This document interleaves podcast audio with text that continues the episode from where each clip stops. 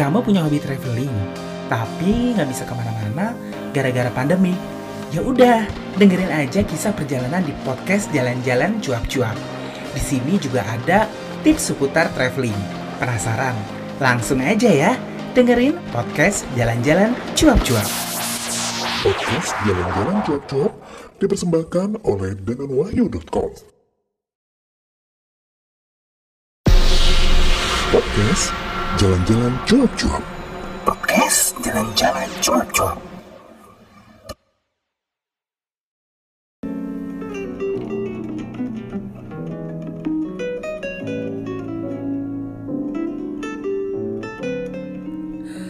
Assalamualaikum warahmatullahi wabarakatuh Ketemu lagi dengan saya Danan Di Jalan-Jalan Cuap-Cuap Dan sekarang tepat di tanggal berapa nih?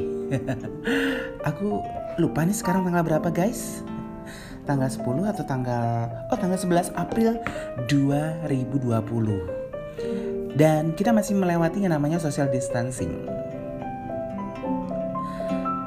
Kali ini kita bakal ngobrolin apa ya? Oh, gue bakal ngobrolin uh, hubungan dengan saudara gitu. Jadi relationship with my sister. Gitu. Jadi ya setiap orang gitu ya, ya nggak setiap orang sih, tergantung orangnya juga. Gitu kan kita tuh dilahirkan dari satu keluarga gitu dan kita ada yang punya saudara, ada yang punya abang, ada yang punya adik, dan kebetulan gue cuman punya satu kakak perempuan. Dan I think hubungan kita ini sebenarnya unik banget gitu ya. Unik apa? Nanti kita bakal bahas deh Jadi ceritanya gini uh, Sebetulnya nyokap gue tuh pengen punya anak banyak gitu dulu Jadi nyokap gue tuh memimpikan satu keluarga besar Paling gak tuh punya empat anak gitu Nah tapi dikasihnya tuh cuma dua sama Tuhan. Jadi setelah nyokap gua hamil 10 kali, yang jadi cuma anak nomor 5 dan anak nomor 6. Anak nomor 5 adalah kakak gua, anak yang dinanti-nanti setelah sekian tahun pernikahan, setelah sekian kali nyokap gua keguguran. Dan anak kedua adalah gua, adalah anak yang kesundulan. Sebenarnya tuh pengen ada jeda lah gitu. Tapi karena kesundulan itu dan jaraknya deket sama kakak gue, jadi kan mungkin kondisi uh, fisik nyokap tuh belum oke okay gitu. Maka gue lahirlah dengan kondisi prematur.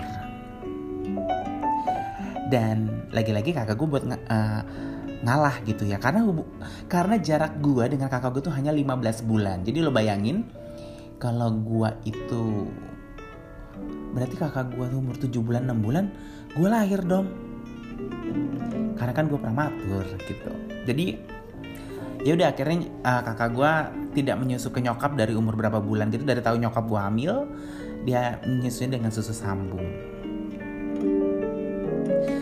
Nah karena jarak kita yang deket banget dan karena gue cowok kan badan gue lebih besar nih jadi kita tuh sama gitu. Jadi banyak orang yang ngira kita itu adalah kembaran gitu. Apalagi walaupun secara muka beda ya apalagi nyokap tuh suka bikin uh, bikin baju atau beli baju tuh tema gitu. Jadi mamanya yang kakak gue versi ceweknya gue versi cowoknya gitu. Ya kayak kayak gitulah gitu. Kita sering dikembar-kembarin. Tapi ternyata gue adalah anak yang apa ya ya gue sangat sangat ini deh. Pokoknya gue sangat uh, sama kita tuh memang ditanamin kayak persaudaraan itu dari kecil gitu. Jadi emang dekat banget. Dan gue sempet jadiin kakak gue adalah role model gue waktu masih kecil nih kata nyokap. Jadi lucunya itu karena kan kita memang kalau zaman dulu kita kan memang tidak tinggal di perkampungan. Kita tuh tinggalnya di komplek. Emang sih sebelah komplek itu ada perkampungan gitu. Jadi memang lebih banyak lah di dalam rumah dan kita itu mainnya ya memang berdua seringnya gitu ya. Ada juga anak tetangga gitu. Nah jadi gua itu sempat protes ke nyokap gua kenapa aku tidak dipakein rok? Kenapa yang pakai rok kakak gua? gitu kan. Aku pengen pakai rok. Oh my god gitu ya. Ya udah akhirnya sejak umur berapa ya gitu protes ya. Akhirnya sejak itu kakak gue pakai celana gitu. Dan gue akhirnya ya udah gue pakai celana gitu ya gue selalu kayak niruin kakak gue deh gitu. Karena memang panutan kali ya gitu. Walaupun secara sifat secara karakteristik kita itu beda banget. Kalau lo lihat gue yang banyak ngomong kayak gini kakak gue itu cenderung yang orangnya pendiam banget gitu. Dan kalau lo lihat gue yang centil kakak gue beneran jauh dari itu dan pokoknya gue tuh kita memang ditanemin untuk deket gitu ya. Jadi uh, gue nganggap dia adalah kakak gue dan dia nganggap adik gue gitu. Dan memang si kakak gue tuh bukan tipe kalau orang yang maksudnya uh, pinter ngomong gitu atau pandai mengungkapkan perasaannya gitu kalau dia sayang. Walaupun dia kadang-kadang cuek tapi gue tahu banget kalau dia tuh sayang banget sama adiknya walaupun gue sempet sih ngeraguin itu gitu. Tapi mungkin dia bete kali ya karena gue selalu ngintil gitu. Karena mulai dari TK sampai SMA kita tuh satu sekolah. Dan jamnya itu nggak nggak beda jadi kita masuk pagi terus dan kita selalu dituntut untuk berangkat pagi dan pulang eh berangkat dan pulang sekolah itu bareng. Apa pun yang terjadi. Sebenarnya satu cerita sih yang gue sumpah gitu ya. Kalau ingin cerita ini gue ngerasa salah banget dan mungkin itu yang bikin kakak gue yang selalu jagain gue gitu. Jadi kita berangkat tuh selalu bareng gitu. Jadi tuh ini kejadian kalau nggak salah kita belum sekolah sudah sekolah ya mungkin TK atau apa gitu. Jadi dulu di desanya gue gitu bukan di desa lah ya di kompleknya gue itu orang orang situ itu punya kebiasaan kalau hari Jumat yang sholat Jumat itu tidak hanya laki-laki tapi laki-laki dan perempuan. Nah one day ya seperti biasa lah ya kita anak-anak ikut kita mau ke masjid buat sholat Jumat kayak orang-orang. Oke gitu. Nah udahlah ya kita melakukan ritual itu tapi waktu ini kakak gue ngomong kayak gini katanya dek apa uh, mau beli gambaran nggak mau gue bilang gitu nah, tapi jangan bilang ibu ya karena kita gini kita dari kecil nggak pernah diizinin yang namanya pegang uh, pegang duit dan jajan jadi kita itu di diajarin Pokoknya kalau menginginkan ke sesuatu sama orang tua, itu bilang nanti orang tua nggak akan bilang. Mereka nggak ngizinin kita untuk beli sendiri gitu. Gue nggak tahu sih alasannya mungkin biar kita nggak konsumtif aja gitu. Ya udah. Tapi yang namanya anak-anak kan pengen tahu. Ngeliat temennya jajan, beli gambaran, beli BP gitu ya. Terus kita pengen dong gitu. Ya udah. Akhirnya kakak gue gitu bilang nanti sampai masjid, eh pulang dari masjid kita beli BP ya. Iya, gue bilang gitu tapi jangan bilang bapak dengan ibu oke okay, gue bilang gitu nah tapi salahnya kita kita tuh nggak janjian. Maksudnya gini kakak gue nggak ngomong dia mau nunggunya di mana pulang jumatan. Karena kan cowok sama cewek dipisah. Nah akhirnya pas pulang gue nyariin dong kakak gue nungguin aja gitu. Gue bingung dong ke mana dia gitu kan. Akhirnya gue nyari-nyari lah keliling nggak ada. Dan akhirnya uh, eh, gue pulang sambil nangis ke nyokap sambil bilang gini mbak hilang mbak hilang gitu. Itu gue belum sekolah tapi kayaknya gue inget banget. Dan nyokap bingung dong hilang ke mana? Nggak tahu. Gue bilang gitu. Terus nyokap tuh gini yaudah kamu cari lagi katanya. Walaupun dia kakak kamu tapi kan kamu anak laki-laki. Seharusnya kamu juga ngelindungin dia. Jadi kenapa kamu pulang? Akhirnya gue balik lagi dong. Gue cari dong kakak gue. Nggak ada gue inget kalau inget itu gue pengen pengen apa ya sedih aja gitu. Akhirnya gue pulang lah. Mak gue bingung dong ini anak ke mana? Nah yaudah kata mak gue pulang makan katanya. Ngumpet lah gue di belakang. Jangan keluar ya kata nyokap.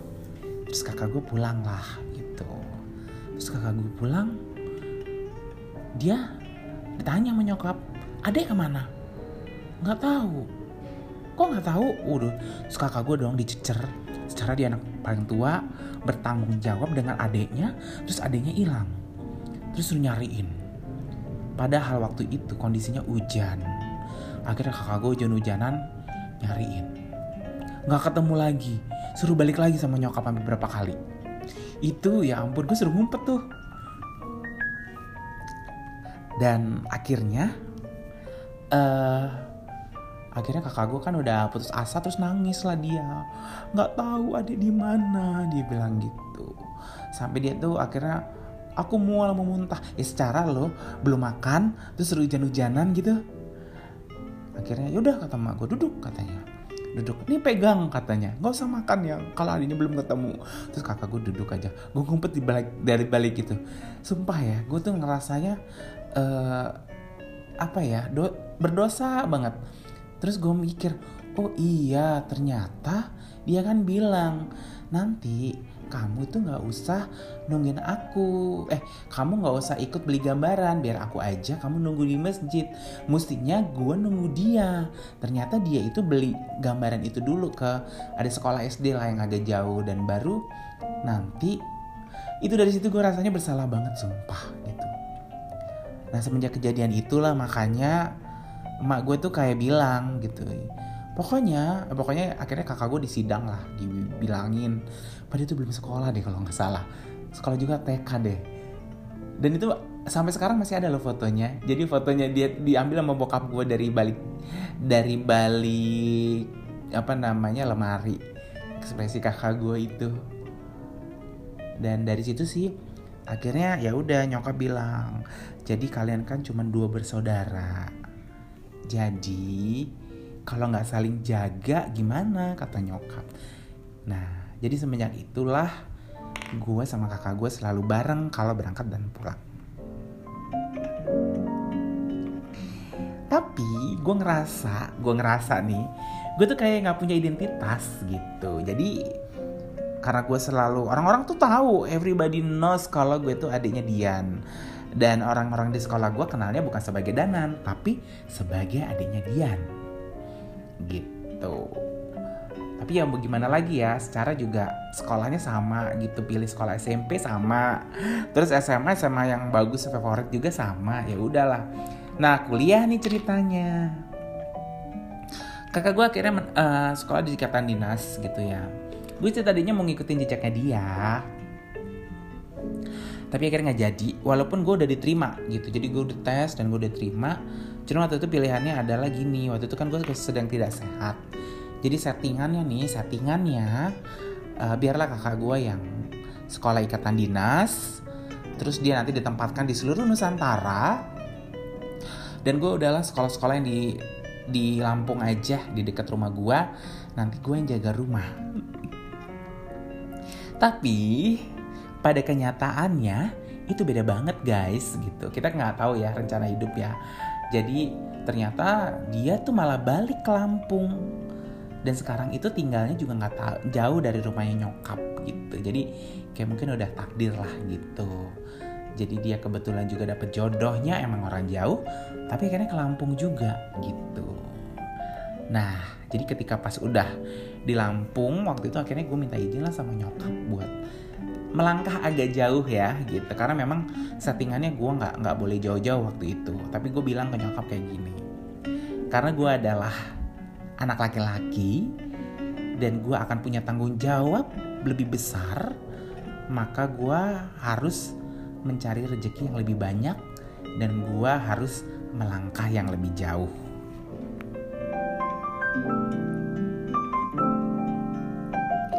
Ya udah akhirnya gue merantau terus hubungan gue sama kakak gue gimana? Uh, jujur sih gue dulu ngerasa bahwa dia itu bukan perempuan.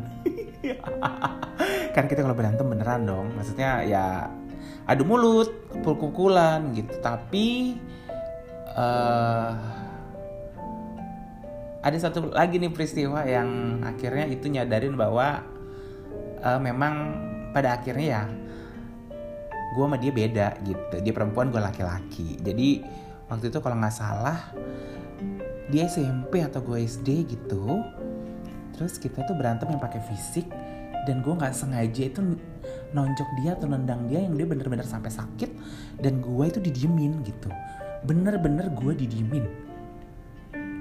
Padahal kakak gue itu termasuk tipe orang yang jarang marah dan tidak pendendam nah akhirnya didiemin dong hampir lah satu bulan terus nyokap tetap kita berangkat sekolah bareng pulang bareng gitu. Tapi gue gak gila gitu. Terus nyokap kan ngeliat ya gelagat kayak gini. Terus nyokap bilang ada apa? katanya.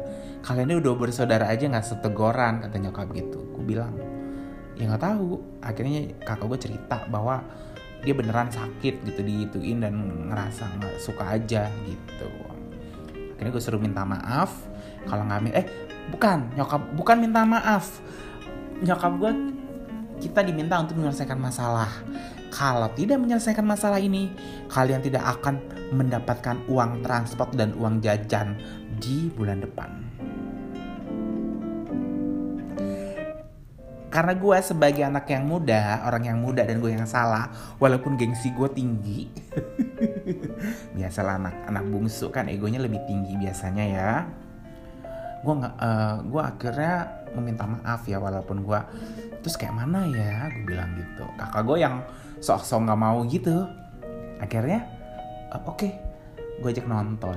Jadi waktu itu filmnya adalah itu bioskopnya juga bukan bioskop kayak zaman sekarang masih yang murah meriah yang tiketnya aja kalau nggak salah 700 rupiah gitu. Ah ketahuan gue angkatan berapa. Gue inget filmnya adalah film Ghost. Duh, Debbie Moore sama Patrick Swiss itu jadi ya udahlah akhirnya gue membaik lagi. Dan akhirnya ya ya wajar sih kalau sering-sering berantem gitu. Dan akhirnya ya hubungan kita sih oke okay lah sampai sekarang. Tapi gini kakak gue tuh bukan tipikal orang yang kalau di kalau gue kan di watch, uh, selalu WhatsApp gitu ya. Gak gini gue kalau WhatsApp sama orang rame dan sebagainya gue nggak tahu sih kakak gue sebenarnya tipenya gimana kalau di media sosial atau di dunia maya gitu. Gue kan berisik chatting gitu. Gue tuh sama dia nggak pernah lo chatting panjang lebar. Nggak pernah. Jadi kita itu mungkin dia bukan orang tipe orang yang media sosial banget ya. Jadi kalau gue chatting cuma jawabnya pendek-pendek doang gitu. Tapi kalau kita ketemu kita bisa ngobrol berjam-jam Oh iya, gue yang ngerasa kalau SMA kan kita memang sudah sibuk dengan kehidupannya masing-masing lah ya. Mungkin dia sibuk dengan gebetannya dia dan teman-temannya dia gitu tapi ketika dia kuliah di luar kota dari situ gue sadar bahwa uh, memang kita ada hubungan hati yang tidak memang tidak terpisah walaupun kita nggak intens ngobrol ya jadi jadi waktu itu kan kakak gue uh, kuliah lah di Jakarta gue di Lampung gitu kalau zaman dulu kan memang komunikasi tuh nggak kayak zaman sekarang kan yang ada telepon, WhatsApp dan sebagainya atau media sosial gitu. Jadi jadi one day itu gue diajak dong sama dia ke Jakarta, eh bokap gue lah buat nengokin kakak gue. Terus uh, ada satu sepatu yang gue pengen lah gue bilang gitu, eh gue pengen sepatu ini, gue bilang gitu. Terus berapa bulan kemudian tuh dia pulang dan beliin gue itu. Gue tuh langsung sumpah ya, itu rasanya yang, ih ternyata dia merhatiin gue, maksudnya itu kan duit ikat untuk beli sepatu itu kan duit ikatan dinas dia berapa bulan gitu yang nggak murah juga gitu. Dan dia lakuin buat gua gitu dan pengen buat nyenengin gua. Dari situ gua makin yakin kalau dia itu sayang dengan gua gitu ya dan dia memang punya caranya memang seperti itu. Memang kakak gue tuh bukan tipikal orang yang uh, secara verbal gitu ya mengungkapkan rasa sayang atau perhatian gitu enggak gitu. Tapi lewat hal seperti itu gitu. Kayak contoh pas dia karya wisata kalau gue karya wisata uh, eh, gue dikasih duit gitu ya. Yang gue beli adalah barang-barang gue sendiri oleh-oleh buat gue sendiri gitu. Tapi kalau kakak gue enggak dia yang dibeli itu adalah untuk orang lain untuk anggota keluarga, untuk bokap gue, nyokap gue, gue gitu. Bahkan dia pada akhirnya nggak beli apa-apa buat dirinya sendiri, gitu.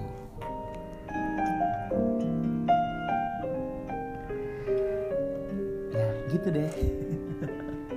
Tapi kita uh, deket deh. Lumayan bukan lumayan lah. Kita sangat sangat deket dan terbuka sebenarnya gitu.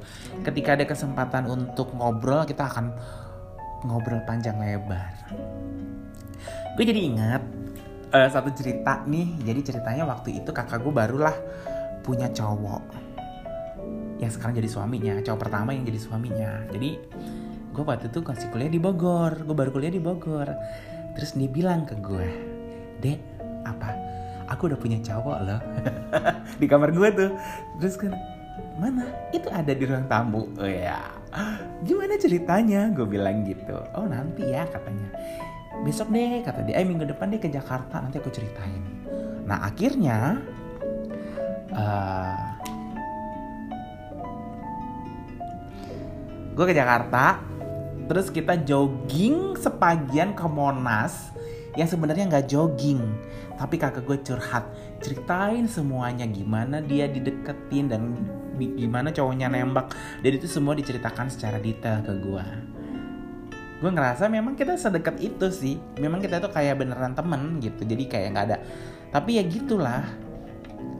Kakak gue sih emang mungkin secara verbal gue ngomongnya belak belakan gitu. Tapi gue nggak terbuka dia. Gue nggak pernah cerita tuh. Sampai cewek yang gue taksir? Siapa yang bikin gue patah hati? Gue nggak pernah cerita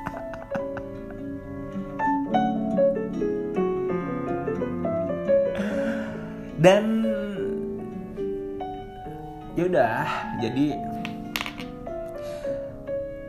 oh iya tapi ada satu kejadian juga sih yang gue berantem hebat. Mungkin gue pernah cerita ya di beberapa episode jadi kan ceritanya waktu itu gue kuliah udah, udah lama banget. Udah tujuh tahun. Oh iya gue juga masih ingat sih. Jadi zaman kedua kerja itu kakak gue selalu kasih dulu duit gitu. Sampai gue kerja. Bayangin ya. Sampai gue kerja sampai gue kerja setahun atau dua tahun tuh dia masih kasih gue duit. Bener gue nggak mau gitu. Cuman tapi dia ngasihnya tuh lewat nyokap gitu. Ya udah lah ya. Ya sebegitu perhatiannya sih gitu. Jadi ada kejadian ya itu gue kan udah tujuh tahun kagak kelar kelar kuliah. Terus biasalah ya konflik-konflik gitu terus kakak gue bilang iya nih gue dibilangin sama teman-teman gue masa dia adiknya kuliah nggak lulus lulus udah tujuh tahun. Nah itulah yang gue pertama kali yang akhirnya gue kembali ngomong kasar ke dia. Jadi gini ya gue yang kuliah nggak selesai selesai aja nggak malu. Kok lo yang malu seharusnya nggak jadi masalah buat lo gitu kan. Kalau memang ini jadi masalah ya udah gue nggak akan di sini. Akhirnya gue keluar dong dari rumah. Sosok kabur. Dan akhirnya si ya itu kan ini inilah sosok akhirnya bokap yang datang itu lumayan konfliknya lumayan seru sih. Tapi akhirnya dari situ ya udah is oke okay. kita teman baik. Oh ya yang seru adalah ketika kakak gue hamil ini seru banget nih.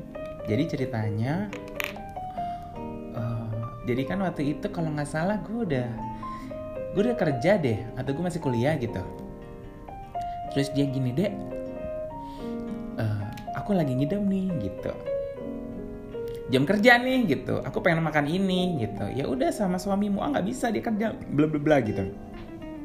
Eh tiba-tiba dia datang dong eh bukan tiba tiba-tiba dia ngajak gue jalan terus makan terus pesan makanan banyak banget. Dan terus dia cuma makan beberapa sendok terus gue suruh ngabisin. Terus akhirnya terus dia bilang kayak gini oh gue inget banget pizza hut waktu itu. Pesan dua loyang atau tiga loyang besar. Dua loyang lah ya. Dia cuma makan berapa potong gitu terus ya udah aku nggak pengen lagi. Lah terus siapa yang ngabisin? Gue bilang. Ya kamu lah dia bilang gitu. Nah ke mana gue nggak bisa ngabisin. Aku tungguin dia bilang gitu. Akhirnya kita ngobrol tiga jam dan itu habis ya seperti itulah hubungan gue sama kakak gue kita lumayan dekat sih gitu. Tapi uh, ketika gue merantau kayak sekarang gitu kita memang dia juga sibuk sih dengan pekerjaannya dengan keluarganya. Walaupun dia tinggal sama nyokap memang dia mungkin nggak punya waktu lah. Kayak gue kan lebih banyak ya. Jadi ya udah kalau di WhatsApp tuh pendek-pendek aja jawabannya. Tapi kalau kita ketemu atau kita ada satu kesempatan telepon gitu itu pasti ngobrolnya lama banget gitu. Begitulah hubungan gue dengan kakak gue. Walaupun kita secara fisik beda ya. Dia kulitnya lebih putih matanya sipit kayak Cina deh gitu. Gendutnya sama sih pada akhirnya? Oh ya gue ada yang satu kejadian yang uh, apa ya agak gak lucu sih sebenarnya. Agak-agak ironis gitu. Jadi kan oh iya ada uh, jadi gini uh, gue cerita dulu yang pertama. Bukan ironis kali ini beneran lucu. Jadi ceritanya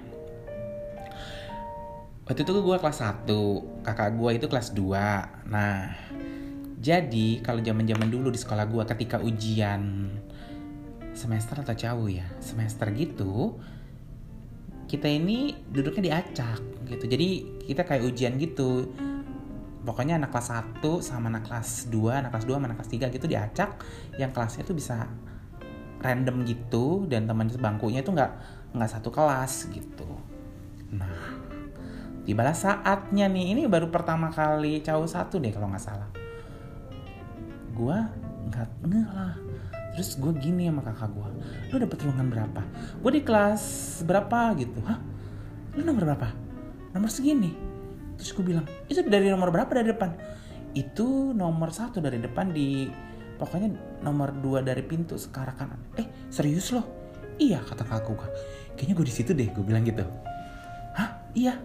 Nah besoknya beneran. Ternyata kita sebangku. Sumpah ya itu. Jadi gue banyak dapat bantuan dari kakak gue gitu. Jadi kalau ada yang nggak bisa gue nanya lah ke dia atau ditanyain lah ke teman-temannya dia gitu. Dan orang-orang pada gini gila ya enak banget danan ya katanya gitu. Duduknya sama kakaknya berdua gitu. Itu sih kejadian yang lucu sih menurut gue oh iya gue juga banyak kejadian-kejadian yang nggak penting sebenarnya. Jadi gini biasa lah ya namanya cewek bertas suka sama cowok itu normalilah gitu. Jadi dulu kakak gue dan teman-teman gengnya itu punya lah gebetan gitu ya. Pokoknya kalau ada cowok ganteng jam SMP deh kalau gitu SMA mana ganteng gitu. Ya udahlah tapi mereka hanya sebatas ngecengin doang ngeliatin doang gitu. Itu bela-belain sampai ke kalau gue bilang sekarang ke terminal. Jadi sebenarnya kan sekolah kita itu bisa naik bis tuh dari situ. Cuman ini ba harus balik ke arah terminal jalan biar ketemu dengan anak itu. Gitu. Sampai se-effort itu gitu ya. Baru cuma ngeliat doang dan gue kan nggak ngerti apa yang terjadi gitu. Ngapain sih mereka ini gitu. Gitu sih. Untungnya sih pas SMA enggak lah nggak gitu-gitu kali lah. Karena mungkin banyak yang kece-kece lah ya di kam di SMA-nya jadi yang gak usah ngeliat yang kanan kiri mungkin gak usah effort ke sekolah atau ke terminal gitu jadi ini juga jadi pernah juga pas gue kelas 3 adalah guru PPKN gue terus nggak tahu gimana ceritanya tuh guru PPKN gue bilang gini kamu adanya Dian? Iya bu. Terus dia bilang ibu gurunya bilang cuman bilang gini dong kok beda ya? katanya. Kakaknya cantik adanya jelek. Tau gak sih itu dibilangin di depan kelas dan semua orang tuh pengakak nggak berhenti berhenti aduh bangke gue bilang gitu. Tapi memang pada akhirnya gue seneng sih gue nggak sekolah barengan kakak gue karena kalau gue sekolahnya barengan dia kemudian kerjanya juga barengan dia benar-benar gue tidak punya identitas. Dan gue ngerasa itu adalah ketika gue kan pada akhirnya gue kuliah jalan sendiri nih gitu. Gue tidak bisa mengandalkan siapa-siapa gitu ya. Gue benar benar yang usaha sendiri. Ketika gue ada pelajaran gak bisa ketika gue ada sesuatu gue nggak bisa mengandalkan kakak gue kalau dulu kan gue tolongin dong tolongin dong. Sekarang gue nggak bisa itu sih positifnya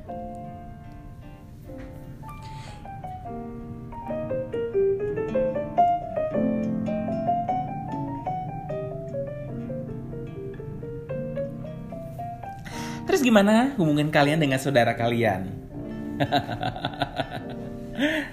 Gak tau deh ya. Mau sharing? Silakan. Langsung aja ke dananwahyu@yahoo.com atau natar.city at gmail.com gitu. Apalagi ya kenangan gue sama kakak gue ya? Yang seru ya? Oh ya sih kebetulan eh, suaminya dia sih orangnya yang santai sih makanya kita sih enjoy aja gitu. Jadi kita itu juga sering dulu kan kakak gue termasuknya agak telat juga punya anak tuh. Kita juga sering jalan bertiga gitu. Dan biasa aja. Oke lah gitu. Ya paling kalau sekarang sindir-sindir aja. Kapan nikah? Ah, menikah itu mudah, cuman yang agak sulit buat gue adalah membuangkan sebuah komitmen. Allah.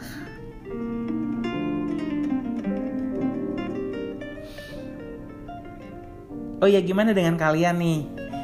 Gimana eh, cerita kalian? Apa yang berkesan? Cerita masa kecil dengan saudara, dengan kakak, dengan adik atau dengan abang gitu ya?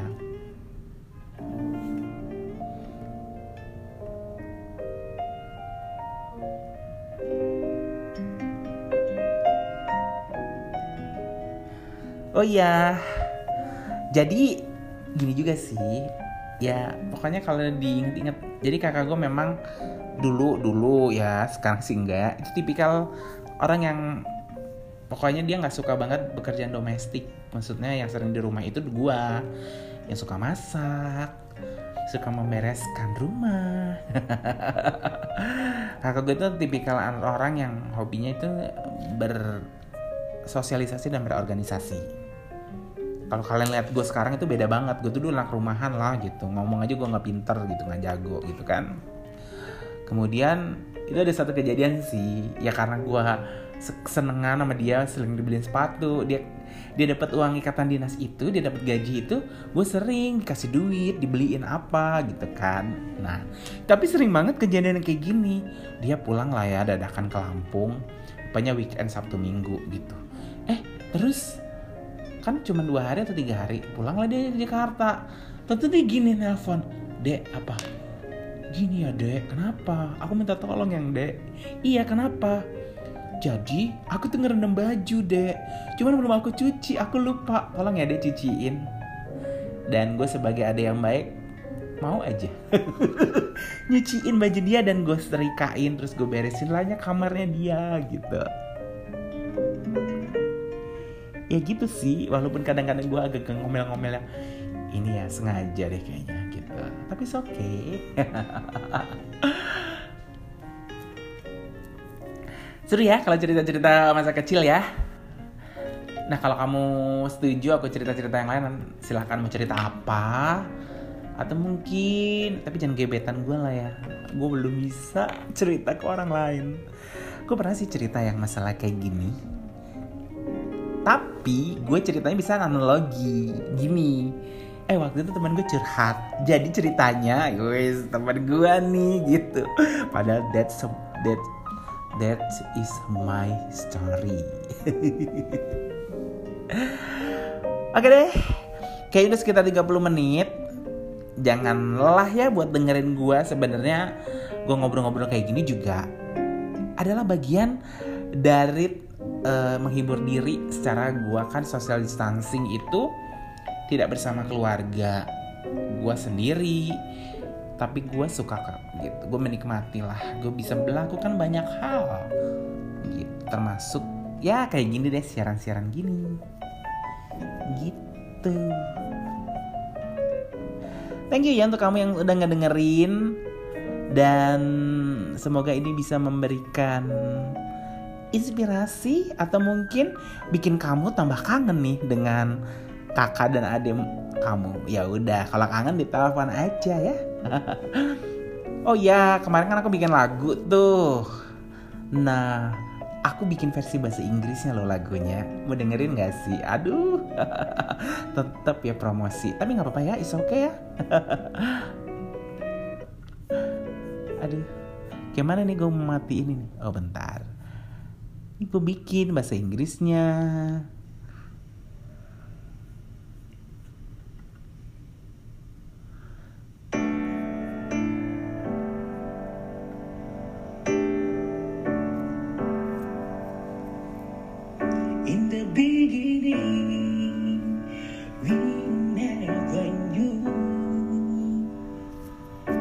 What we are looking for. exactly. Your once answer is not for one question.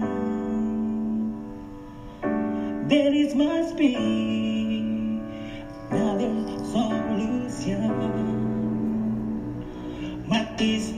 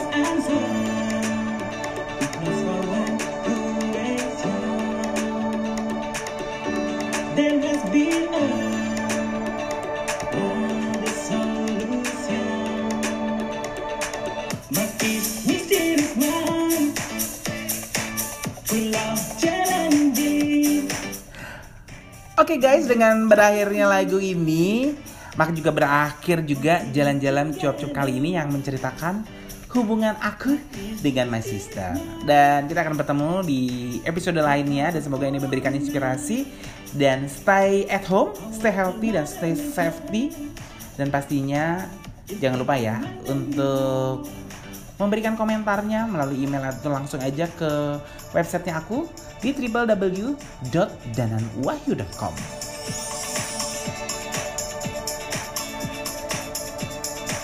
Dan akhir kata Dana mengucapkan wassalamualaikum warahmatullahi wabarakatuh. Of challenging, the mind of triumph.